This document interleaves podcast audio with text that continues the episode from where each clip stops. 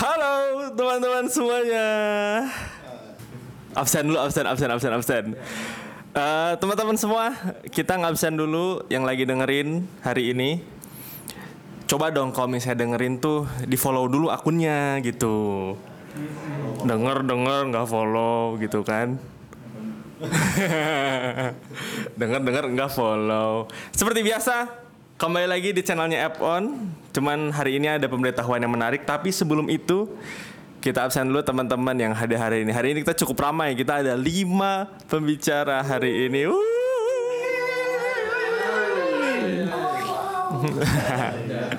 Bung Pliri. Ya, halo, berjumpa lagi bersama saya. Bukan asosiasi sekarang ya, udah. Udah, udah, udah. udah. Bung Pliri kayaknya bisa dibuka sedikit biar suaranya agak jelas. Iya, mantap. Widi. Iya, halo teman-teman UMKM. Ada. Jangan cari lucu sekarang. Ada Rangga. Halo semuanya. Dikulung, dikunyah. Apaan tuh? Apaan tuh? Assalamualaikum semuanya. Ada Bonti. Halo, halo semuanya halo. Yes. Ah, sebentar, sebentar. Biasanya kalau ada pantun ada yang mau berbahas pantun. Ini udah siap balasannya? Ayo, dipersiapkan. Enggak, enggak. Oke. Teman-teman, seperti biasa di channelnya App On di Spotify kita akan selalu menghadirkan berita up to date yang mau kita bahas. Dan kita pun akan ngupdate beberapa konten yang akan teman-teman dengerin di channel Spotify App On ID ini. Nah, sekarang teman-teman adalah episode pertama dari Auman. Kayaknya kita harus bikin kayak eh, Auman, au gitu kali ya, apa gimana gitu. Bagus ya? Oke, kita pas waktu pas gue bilang Auman terus au gitu kali ya. Sekarang kita mulai episode pertama Auman. Sedap. Ini kita semangatnya semangat eh, untuk menerkam menerkam masalah menjadi solusi. Sedap ya. Dan kemarin kalau teman-teman udah dengerin kemarin episode 5 dari Sibuk adalah episode terakhir di Sibuk sekarang kita berubah namanya menjadi Auman. Nah, jadi Auman ini buat teman-teman semua kita akan ngupdate berita-berita yang akan kita bahas seputar dunia bisnis, seputar dunia UMKM, tapi kita akan mengemasnya dengan fun supaya teman-teman juga jangan stres-stres amat gitu berbisnis tuh. Jadi kita harus menghadapi segala sesuatunya itu dengan riang gembira sehingga hati sukacita dan bisnis pun semakin to the moon. Oke, sebagai episode pertama kita akan ngebahas sesuatu yang menarik nih. Wah, apa tuh tema sekarang? Tema hari ini kita akan membahas tentang royalti musik. Berat. Berat, berat, berat. Ini kita punya anak band juga kebetulan di sini. Yang suka pantun biasanya. Suka pantun, bener. Kayaknya bandnya, bandnya band pantun kayaknya. Nah, oke sebagai pembuka nih, kayak gue pengen apa ya? Kita membuka insat dulu kali. Kalau kita lihat sekarang kan sebetulnya eh nggak sekarang nih sebetulnya udah dari zaman dahulu kala juga sebetulnya eh, band di Indonesia itu kan cukup apa ya luas gitu. Berbagai genre ini nggak tahu genre itu ngomong gimana sih? Ada yang ngomong genre genre genre. Genre. Genre. genre aja dulu ya. Iya. genre dulu aja lah ya. Nah jadi eh gue sendiri dulu main band cuy. Eh ya underground underground gitulah itu tapi itu tapi naon sih namanya kayak eh, softcore softcore gitulah kayak kalau softcore kayaknya intonasinya agak-agak beda. Metal metal softcore gitu. Sebelah ya? iya gitu. Nah coba nih pe- pertanyaan pembuka untuk episode pertama dari Auman. Bisa nggak sih kalau teman-teman kita yang baru bikin band penghasilannya belum gede dari band sebenarnya mereka usaha dong. Bisa nggak kalau kita sebut sebenarnya mereka adalah UMKM coba gimana? Eh, Pak Karma terakhir ya. Bung Pri dulu Bung Pri dulu Bung Pri dulu. Gimana Bung Pri? Kalau untuk mereka pemain band atau musisi ya biasanya disebut sebagai pelaku UMKM bisa juga sih sebenarnya. Karena kan cuman masuknya dia lebih ke ke pengusaha kreatif mungkin jatuhnya. Tapi kan kalau dilihat juga sektor kreatif sekarang juga lumayan bergerak cepat ya. Ya terus bertumbuh juga gede. Nah makanya mungkin sama juga sih musisi sekarang juga perlu disebut juga se- seorang pengusaha sebenarnya. Betul, betul, betul, betul, betul. Widi gimana Widi? ya setuju sih. Soalnya kayak musisi ataupun musisi gitu pemain musik gitu ya. Ya. itu kan mereka menghasilkan sebuah karya kemudian karya itu dijual. Ya bisa dibilang mereka juga UMKM lah pelaku usaha lah. mungkin usaha dalam bentuk membuat sebuah karya yang Betul. karya itu nantinya akan dikomersilkan oleh mereka Betul, betul, betul, betul. Uh, Bunti gimana? Kalau Bonti sih pengusaha mungkin, tapi apakah bisa dimasukkan ke dalam UMKM? Nah itu soalnya orang-orang lebih mengenal band musik hanya sekedar band gitu, hanya sekedar band musik yang eh, mengeluarkan karya dan bermusik gitu. Maksudnya kan UMKM identik dengan jualan produk barang apa gitu, fisiknya ada. Nah jadi kalau misalkan dibilang UMKM, ah masa sih gitu?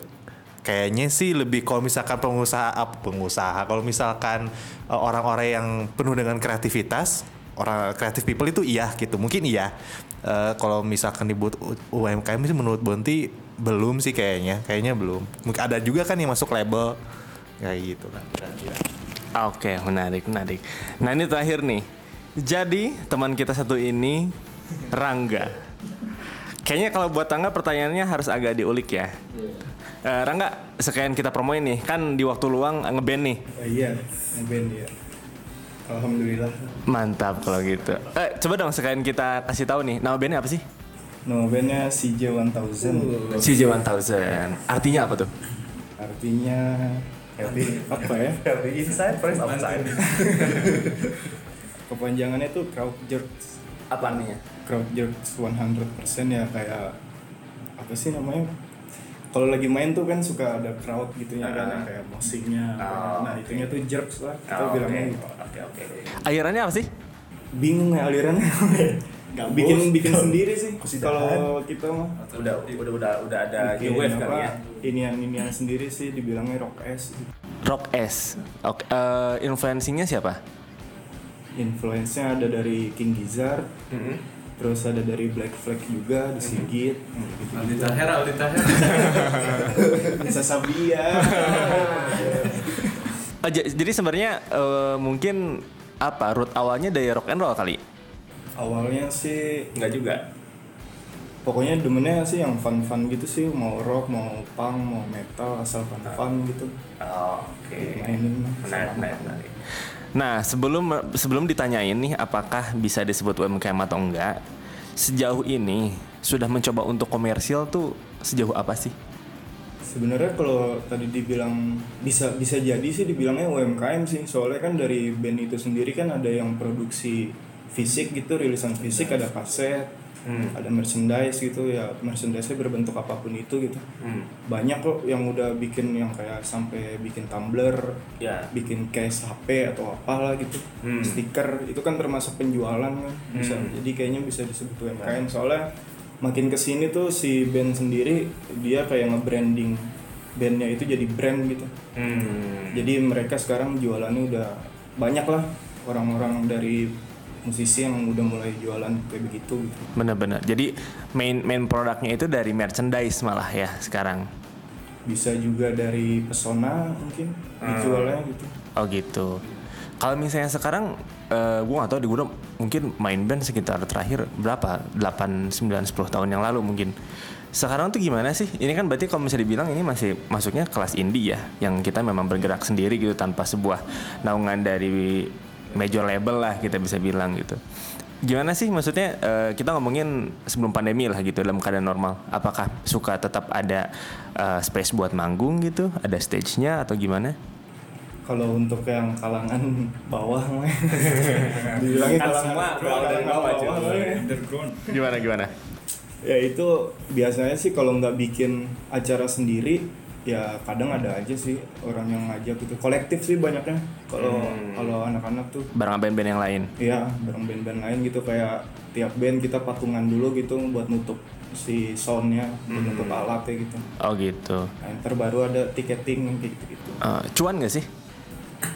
Kalau untuk se seband orang mah lumayan cuan sih gitu Lumayan, dari ya? merchandise gitu tapi Oh, dari si cuannya ya Fansnya udah berapa banyak fans? wah Sudah tersebar seluruh masih masih teman-teman lah masih dikit Oke oke oke oke oke. Jadi kalau misalnya ditanya apakah bisa disebut UMKM?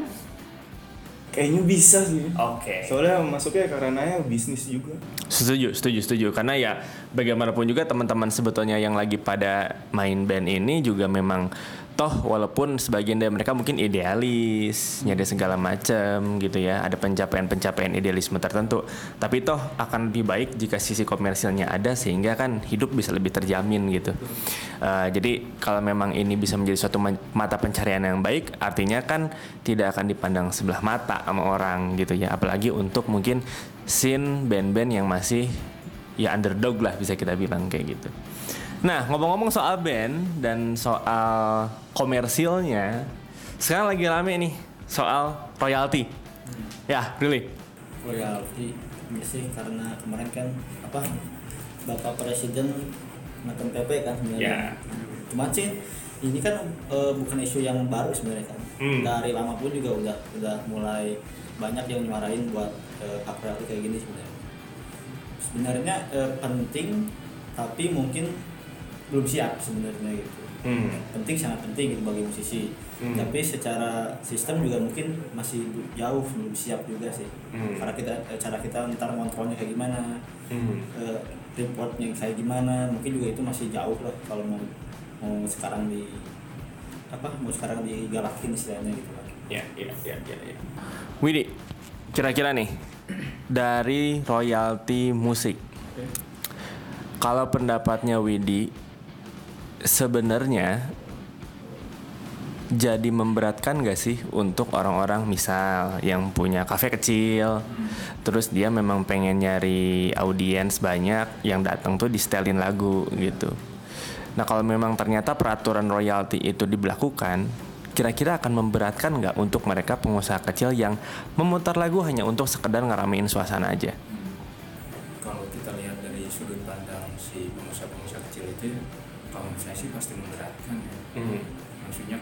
hanya memutarkan musik untuk entertain gitu untuk menghibur orang-orang yang datang ke situ. Agak bingung juga kalau misalkan mereka dilarang ya istilahnya dilarang lah ya dengan adanya royalti ini dilarang memutarkan musik sembarangan gitu. Maksudnya apakah pada saat ada pelanggan yang datang mereka harus memutarkan suara alam gitu? Air terjun air terjun gitu ya atau musik Meksiko mungkin kan jadi aneh gitu Ya, tapi ya, ya. kalau saya da- dari yang saya lihat ya sebenarnya si apa ini namanya tuh royalti musik ini agak agak terlalu berlebihan ya kalau diterapkan sampai ke kalangan bawah yang Ya. pengusaha-pengusaha ini. Setuju. Saya lebih setuju kalau misalkan royalti musik ini di diterapin ke orang-orang yang suka cover di YouTube, Hmm. yang kayak gitu-gitu, apalagi ada ya sekarang juga di kita masih banyak pembajakan lagu dan Ya. sebagainya. Kayaknya pemerintah harusnya lebih kencang di situ deh, Ya, dibanding harus turun sampai ke bawah ke pengusaha-pengusaha kecil. gitu. Oke oke setuju setuju. Nah kalau kita lihat dari berita nih, gue mau kutip dari Kompas.com itu ada berita setidaknya ada 14 jenis layanan publik yang bersifat bersifat komersial. Di antaranya adalah hotel, kamar hotel, fasilitas hotel, bank, kantor hingga usaha karaoke. Ya semoga aja memang royalti ini di- ditetapkan untuk bisa dibilang apa ya? ruang-ruang publik yang memang potensinya besar gitu ya. Mudah-mudahan tidak mengafeksi kepada eh, pengusaha-pengusaha kecil lah ya. Oke. Eh, Bonti, gimana nih kalau misalnya disebut royalti ya karena ini juga sebetulnya kalau misalnya kita lihat dari berita masih berbicara tentang seseorang yang menggunakan lagu atau musik secara komersial atau layanan publik yang wajib membayar royalti. Nah, nggak tahu nih ini tiba-tiba keadaan aja nih. Kalau kita langganan Spotify, udah bayar dong pakai Spotify Spotify Premium. Terus kita muterin yang ada di Spotify itu. Lagunya lagu Indo. Bingung nggak kira-kira gimana? Bingung juga sih ya. Tapi eh, di dalam Spotify Premium itu sendiri kan ada ada keterangan ya dan ketentuan ini kalau koreksi kalau salah gitu. Saya juga baru menggunakan Spotify. Tapi selama dia membayar si Spotify itu otomatis kan itu jadi haknya dia ya. Bener nggak sih kayak gitu? Jadi eh, selama dia membayar ini kan kayak win-win aja gitu dia membayar ke musisinya lewat Spotify, musisinya menerima, penghasilan, eh, si orang itu memutar lagu itu di kafe juga karena dia udah bayar gitu. Eh, harusnya sih karena sudah membayar dan membeli nggak masalah. Cuma kan balik lagi ada mungkin ada ketentuannya, ada peraturannya dan lain-lainnya gitu. Nah itu sih yang buat bingung-bingung gitu. Tapi ya eh, kalau saya pribadi gitu selama sudah membeli dan membayar di Spotify sih harusnya nggak masalah ya harusnya nggak masalah Oke oke oke. Mungkin ada ini kali ya. Ada satu yang mesti kita kutip. eh, mungkin kita juga mesti baca lagi ya. Takutnya eh, di Spotify punya aturan khusus. Ya kayak kita kalau download aset digital lah, download akses ah, akses lagi aset kayak aset desain itu kan sebetulnya kan memang ada yang benar-benar free copyright, no copyright, tapi ada yang harus pakai attribution dan lain-lain kayak gitu kayaknya. Nah eh, sebelum bahas yang lebih dalam, coba nih ke Rangga dulu. Rangga, kalau buat tadi lah ya kita bisa bilang teman-teman yang masih underdog nih, yang masih mencari jati diri di dunia band, belum masuk ke major label, secara eh, apa ya penghasilan komersial juga ya misalnya kita bisa bilang belum seluar biasa Mas Anang misalnya gitu kan dengan lagu-lagunya yang memang mungkin sekali dapat royalti bisa bisa angkanya fantastis gitu. Nah untuk teman-teman underdog nih kita bisa bilang lah ya sebutnya jadi setuju nggak kalau misalnya peraturan royalti itu tidak hanya ditetapkan oleh eh, artis ataupun musisi-musisi yang sudah ada di level tertentu atau atau atau kategori tertentu, tapi juga sama teman-teman yang memang bisa dibilang sekarang pun musisi, cuman masih kecil gitu. Apakah menguntungkan atau enggak? Kalau menguntungkan, apakah memang jadi wah enak nih siapa-siapa tahu lagu gue di setel di cafe gue bisa minta royalti? Atau perspektif lain adalah kita bisa lihat ah gue mah lebih mending musik gue di setel di mana pun supaya lebih cepat terkenal urusan duit sih belakangan kalau dari Rangga sendiri gimana? Ya kalau untuk royaltinya itu sih kalau dari saya sih kayak bisa dapat sebenarnya sih bisa dapat dari Spotify-nya itu juga kalau nggak salah tuh kayak berapa pendengar tuh dapat cairan dana dari Spotify gitu kan si bandnya. Nah mungkin kalau kalau ininya kalau misalnya ditetapin untuk be- apa nama-nama yang udah tenar doang sih kayaknya kurang layak ya. Mending disamaratakan gitu semuanya. Hmm. Toh juga sekarang platform digital juga ada playlist playlistnya kan dan, dan Hmm. itu juga campur aduk gitu si si isi isinya nggak nggak cuman band-band atas gitu Benar, yang mending disamaratakan sih gitu kalau si royalti ya paling cuman kalau untuk membayar royalti kayak kafe atau apa pun itu yang tempat-tempat komersil gitu rada ngeberatin sih sebenarnya Hmm, tapi tapi yang harus tuh kayaknya tempat karaoke deh iya iya. soalnya kan dia menyanyikan si lagunya gitu Iya setuju setuju setuju. kalau di kafe gitu kan cuman mutar Iya, iya, iya. Nah, pertanyaan yang tadi nih lanjutan.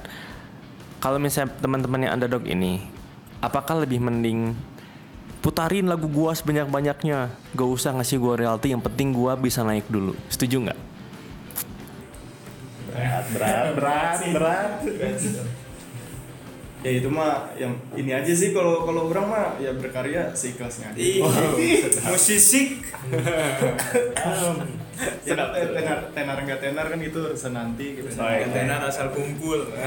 yang dilihat kan si karyanya gitu bukan ketenarannya lah. Benar-benar. Oke, oke, setuju, setuju. Nah, oke, ini eh, dapat infografis yang menarik nih. Coba dibacain ya. 14 tempat yang wajib bayar royalti jika gunakan lagu secara komersial. Pemerintah mengeluarkan kebijakan pembayaran royalti kepada pencipta, pemegang hak cipta, pemilik hak lagu dan atau musik yang digunakan komersial, termasuk di restoran, kafe, bioskop dan beberapa tempat lainnya.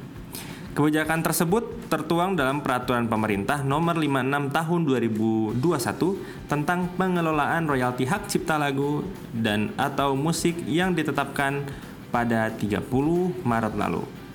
Layanan publik apa saja yang mesti membayar royalti untuk menggunakan lagu dan musik secara komersial? Nah, ini ada nih. Bentuk layanan publik yang bersifat komersial sebagaimana dimaksud pada pasal 3 ayat 1 PP nomor 56 tahun 2021 tertulis pada ayat 2 meliputi. Nah, ini nih cuy. Eh, tempat seminar dan konferensi komersial. Terus restoran, kafe, pub, bar, bistro, klub malam dan diskotik. Terus ada konser musik. Terus ada pesawat udara, bus, kereta api dan kapal laut. Lalu ada pameran dan bazar, lalu ada bioskop, terus nada tunggu telepon, bank dan kantor, pertokoan, pusat rekreasi, lembaga penyiaran televisi, lembaga penyiaran radio, hotel, kamar hotel dan fasilitas hotel dan terakhir adalah benar kata Rangga tadi usaha karaoke. Nah, dikit lagi ini adalah berdasarkan PP sekian tersebut tadi, setiap orang dapat melakukan penggunaan secara komersial lagu dan atau musik dalam bentuk layanan publik yang bersifat komersial.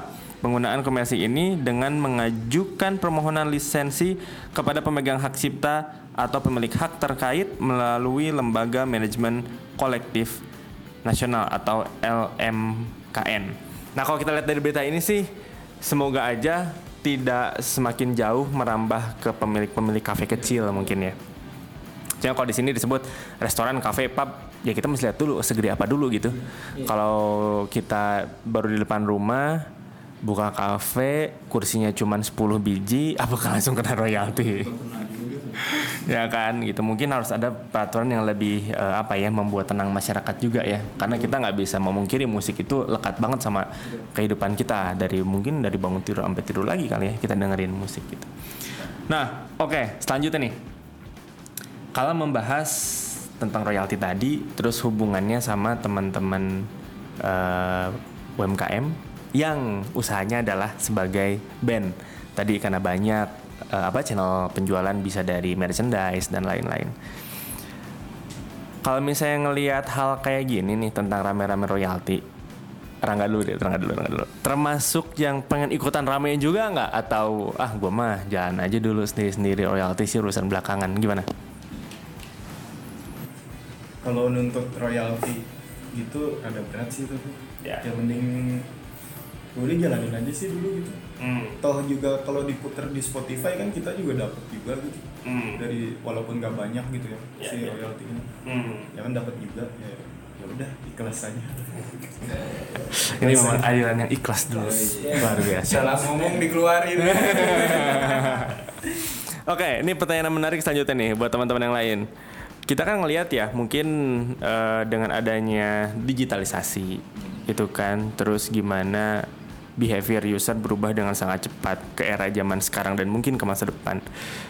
Kaset udah hilang kan sekarang? Kaset udah hilang. Eh, CD yang masih ada mungkin sekarang?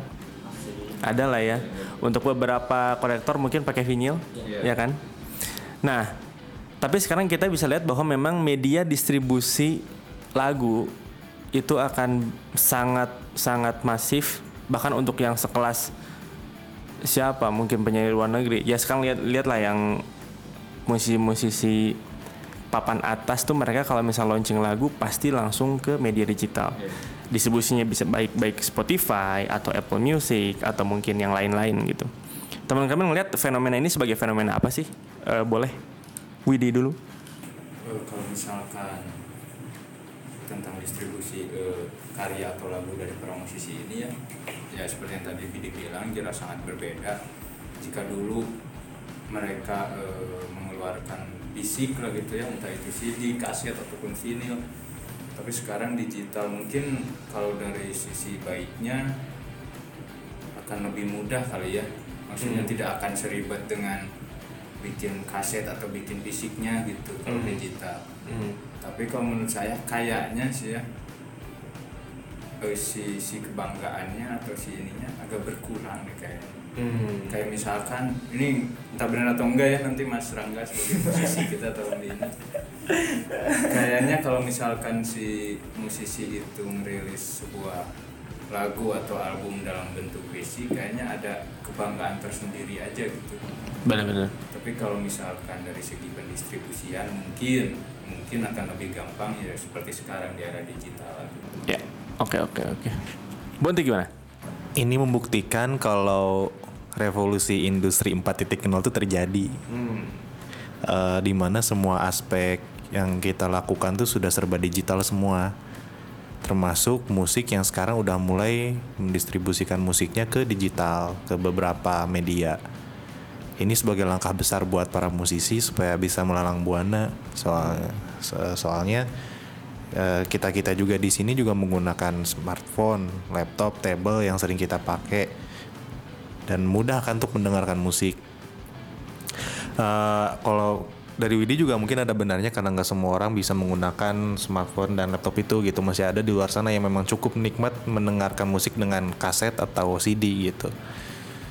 Nah, eh, tapi baik lagi eh, di masa mungkin 5 atau 10 tahun ke depan lama-lama seperti kaset CD pun juga akan hilang. Lama-lama semuanya udah serba digital. Nah, ini adalah fenomena perubahan yang sangat besar buat seluruh aspek terutama musisi untuk terus berubah gitu. Masih berkembang zaman. Berat sekali pembahasan kita ya. Bung Prilly, gimana Bung Prilly? Kalau dari saya sih justru lihat ada fenomena yang baru sebenarnya. Eh, digital mungkin emang platform yang mudah, gitu. tapi di sisi lain juga eh, rilisan fisik pun juga atau kaset kayak vinyl gitu itu justru tetap sekarang masih dipertahanin. Justru yang terjadi sekarang justru makin sini makin ramai sebenarnya karena mungkin ada beberapa aspek yang orang juga kadang-kadang ketika dengerin digital mungkin saya sebagai sound engineer ya dulu Ya. yang pernah lama di sound engineer ketika di dia. Jadi ketika emang kita style di musik digital tuh emang ada beberapa banyak yang secara kualitas tuh lost sebenarnya. Jadi nggak ada kenikmatannya lah istilahnya gitu. Jadi ada beberapa eh, tekstur-tekstur yang hilang gitu misalnya kayak simbal nih yang emang benar-benar biasanya cling banget ketika masuk digital ada kompres ada ada apa ada reduce gitu lah istilahnya. Hmm, terkompres lah ya. Jadi, terkompres. Dan akhirnya juga gak begitu terlalu bagus secara hasil. iya, iya, iya. Nah, makanya sekarang justru kalau dari lihat dari teman-teman saya yang musisi strategi yang diambil justru emang vinyl dulu vinyl dulu yang di, yang ya. balik lagi justru. Malah vinyl yang sekarang yang digalakin. Karena pertama mungkin otentik. Betul, otentik. yang kedua mungkin secara artbook juga dapat Betul. jadi ketika orang beli kasetnya lihat artbooknya kelihatan soulnya oh si soul musisinya ada di sini ternyata. Hmm, dibanding kita dengar cuma digital doang di Spotify yaitu nggak cuma denger doang istilahnya gitu Betul. kita gak bakal tahu ini artisnya siapa sih Betul. terus gimana sih perjalanan dia eh, bermusiknya Hmm. terus proses bikin lagunya kayak gimana nah itu mungkin yang hilang dari digital Ya betul betul. Artinya tadi kembali ada segmen yang memang pecinta-pencinta musik-musik atas gitu ya, secara kualitas maksudnya gitu ya penikmat-penikmat yang uh, high fidelity yang harus memang dengerin pakai vinyl, yang mereka punya headphone khusus kali kan speaker khusus gitu. Ya kembali sih benar bisa jadi itu sebagai solusi ketika kita bikin karya, bikin musik kita mungkin nggak meraup pasar yang luas, pasarnya sangat niche, tapi memang semua fansnya kita ya memang bisa ngedengerin dan memang bisa menikmati semua karyanya sampai dari proses awal gitu, sehingga tadi vinyl jadi sesuatu hal yang menarik. Setuju setuju. Oke, pertanyaan pamungkas. Bon. Terakhir nih, ngomong-ngomong, ada nggak sih teman-teman kira-kira mau ngasih tips apa buat teman-teman UMKM? Oh, atau gini deh pertanyaannya, gimana caranya supaya kita nggak takut untuk tetap berkarya sebagai musisi? Underdog ya, khususnya. Karena sebagai bagaimanapun semua berawal dari nol dong. Eh, bisa kita kategorikan ya mungkin kalau gue pribadi eh, bisa jadi kita di app on pun bisa jadi ngebantu banyak loh buat teman-teman musisi awal ini. Dari mulai nanti mereka mau bikin tadi eh, cover album art misalnya kan eh, apa sih, pemasaran digitalnya mungkin sampai ke hal-hal butuh konsultan segala macem nggak menutup kemungkinan kalau suatu saat dia pun akan ada konsultan musik Iya. bener nggak nggak nggak nggak menutup kemungkinan dong gitu artinya kita emang pengen eh, teman-teman yang sedang berbisnis di jalur band ini juga nggak cuman baik secara kualitas, baik secara idealis, tapi secara pendapatan pun kan kita pengen mendorong mereka jauh lebih baik gitu. Nah, kira-kira tips apa yang mau dikasih untuk teman-teman kita yang lagi ngeband supaya mereka pun punya eh, apa ya punya visi bisnis gitu punya visi yang memang membuat mereka kalau gue berhasil ngeband anak gue cucu keturunan gue semuanya pun bisa baik gara-gara karya yang gue hasilkan sekarang. Rangga dulu gimana Rangga? Kalau saya yang pertama mah tipsnya pasti. Eh, usaha ya yang pasti mah usaha terus lah gitu. Jangan berhenti berkarya. Walaupun udah nemu karya yang bagus enaknya di mana tetap harus dikulik terus gitu. Nah terus yang kedua juga jangan kalau dapat panggung atau apa pun itu tempat main gitu jangan pilih-pilih lah gitu. Main ya udah sok main aja gitu. Mau itu banyak yang nonton atau enggak ya nikmatin aja gitu. Ya. kalian udah dikasih main gitu. Ya itu terus tips untuk ininya sih ya perbanyak merchandise. Itu membantu banget sih membantu banget sih. walaupun bajunya cuman gitu-gitu doang tapi kalau banyak kan kayak seringai TDS gitu Teenage Death Star kan udah wah gila itu udah banyak banget gitu merchnya. Siapa pun udah pakai gitu sampai anak kecil anak gede gitu. Ya, udah pakai nah, itu sih paling ya jangan berhenti berkarya aja. Mau dari lagunya mau dari artworknya ataupun apa pun itu lah. Oke, oke, oke. Mas Monti, gimana Mas Monti? Waduh, waduh kok. Bang. Eh, apa ya kalau saya ya? Jujur bukan musisi juga. Mau ngasih tips-tips gimana tips-tipsnya? Ini aja sih paling eh, tadi kan sudah disampaikan oleh eh, Mas Rangga, Kang Prilly dan Mas Widi bahwa eh, musisi itu adalah UMKM. Jadi s- sesama UMKM saling membantu lah gitu. Ada win-win solution lah. Uh, UMKM yang lain dapat keuntungan dari musisi juga dapat keuntungan gitu. Jadi uh, kalau dari saya mah ya untuk seluruh UMKM saling kolaborasi satu sama lain itu aja lah. Oke. Widi dulu Widi, gimana Wid? harus dilihat dari niat awalnya dulu lah ya. Kayak tadi Mas Rangga gitu yang berkarya eh, apa bikin band tuh cuman niat untuk berkarya doang gitu pokoknya gimana pun yang penting saya berkarya aja Hmm. apalagi kayak musisi under underdog gitu ya yang indie indie gitu jiwa idealisnya tuh masih tinggi gitu. Betul. kayak mereka nggak mau diatur sama major label Hmm. terus juga mereka lagu-lagu mereka tuh karya-karya mereka tidak mau pasar Hmm. dan sebagainya mereka ingin menciptakan pasar sendiri kayaknya kalau misalkan eh, ingin menumbuhkan perfect perfect bahasa Perspektif. perspektif bisnis kayaknya harus ya setidaknya merelakan mengikis jiwa idealis itulah Betul. sedikit demi sedikit Ya, ya, ya, ya. Oke.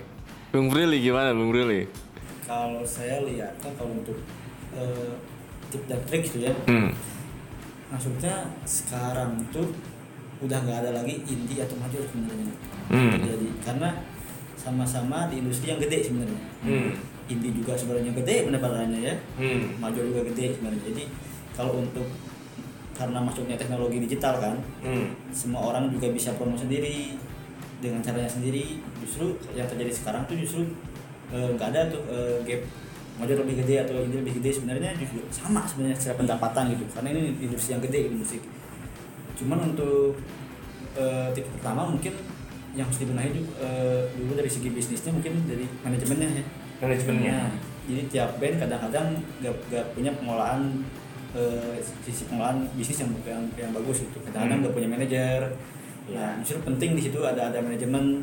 Ya. terus ada yang emang eh, orang-orang teknikalnya di situ jadi Ya. kayak tim sebenarnya band itu kan kayak perusahaan sebenarnya perusahaan Nah, kecil. itu dia, itu dia, Nah, betul. kayak perusahaan kecil cuman emang bergeraknya di sektor software yang emang ekonomi kreatif sebenarnya Ya, betul betul. makanya bisa dibilang ini industri yang gede makanya untuk teman-teman yang emang mau kaya raya dari band ya sebenarnya bisa aja mau ide- idealis apa pun juga toh eh, musik yang cadas pun kayak Burger Crew juga yang seidealis apa pun juga dia masih tetap kok secara bisnis juga masih tajam gitu Ya.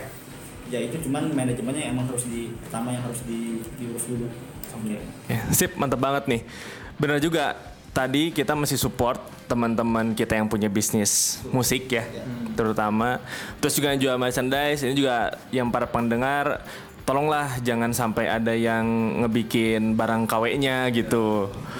Kalau misalnya nge-KW-in kayak band-band luar gitu mah ya mungkin nggak kedetek-detek amat jangan juga sih gitu. Apalagi maksudnya teman-teman band kita musisi kita di Indonesia mereka bikin merchandise harusnya kita support dengan beli produk asli. Jangan sampai kita ngefansin tapi beli yang KW-nya juga gitu. Kan sebetulnya terjadi ada orang yang beli yang beli barang KW karena ada yang jual. Ya nggak sih? Ya mudah-mudahan yang jualnya mending support lah. Terus juga kalau misalnya kita lihat itu tadi sesama pengusaha kita bisa sebut mereka pengusaha bener nggak ya harus saling kolaborasi gitu. Kalau contoh kemarin aja kan kalau misalnya kita lihat ada fenomena Isyana Saraswati sama Dead Squad. Kita nggak pernah lihat ternyata sisi lain dari Isyana sebegitu cadasnya gitu kan. Nah bisa jadi misalnya ntar su- suatu saat ada eh, band pop atau misalnya band religi kalau sekarang lagi Ramadan kolaborasi sama band hijab. Eh sorry sama produk hijab. Itu kan mungkin kolaborasi-kolaborasi yang proses-proses kreatif yang nggak pernah bukan nggak pernah kepikir ya mungkin ada yang kepikir cuman nggak berani melakukan mungkin. Padahal kalau misalnya seperti itu kan sarana promosinya jadi ya unik gitu kan. Ya kembali mungkin ntar ada yang jual aksesoris baju aksesoris cowok sama band apa misalnya segala macam. Dibikinin jinglenya saling menguntungkan. Oke teman-teman. Thank you banget udah hadir di Auman episode 1 ini kita nanti enaknya antara atau misalnya auman aum gitu. Kayaknya enak gitu ya. Kayaknya lebih galak ya. Lebih galak ya. Nanti kita tutup kayak gitu oke? Sip, terima kasih banget buat teman-teman yang udah dengerin Auman episode 1 Eh, Kalau misalnya kalian mau dengerin eh, di ada season 1 sibuk kemarin dengerin, dengerin juga Insightnya menaik juga di sana dan tetap kita akan bawakan secara fun yang lagi di jalan hati-hati di jalan, yang lagi dengerin sekarang lagi bulan puasa, yang lagi puasa semoga kuat puasanya, jangan sampai batal. Yang lagi di rumah aja, ngapain? usaha dong. Usaha dong, Usaha, usaha. usaha. Lagi diem di rumah nggak ada kerjaan, buka laptop, cari inspirasi musik, buka Fruity Loops ya nggak sih? Buka Fruity Loops, bikin beat-beat. Eh siapa tahu nggak ada yang tahu ya? Jadi di Pabarus. Jadi di Pabarus, benar. Tiba-tiba dipanggil ke konser. Oke deh. Teman-teman, sampai jumpa lagi di Auman episode selanjutnya. Siap-siap ya. Auman! Aum!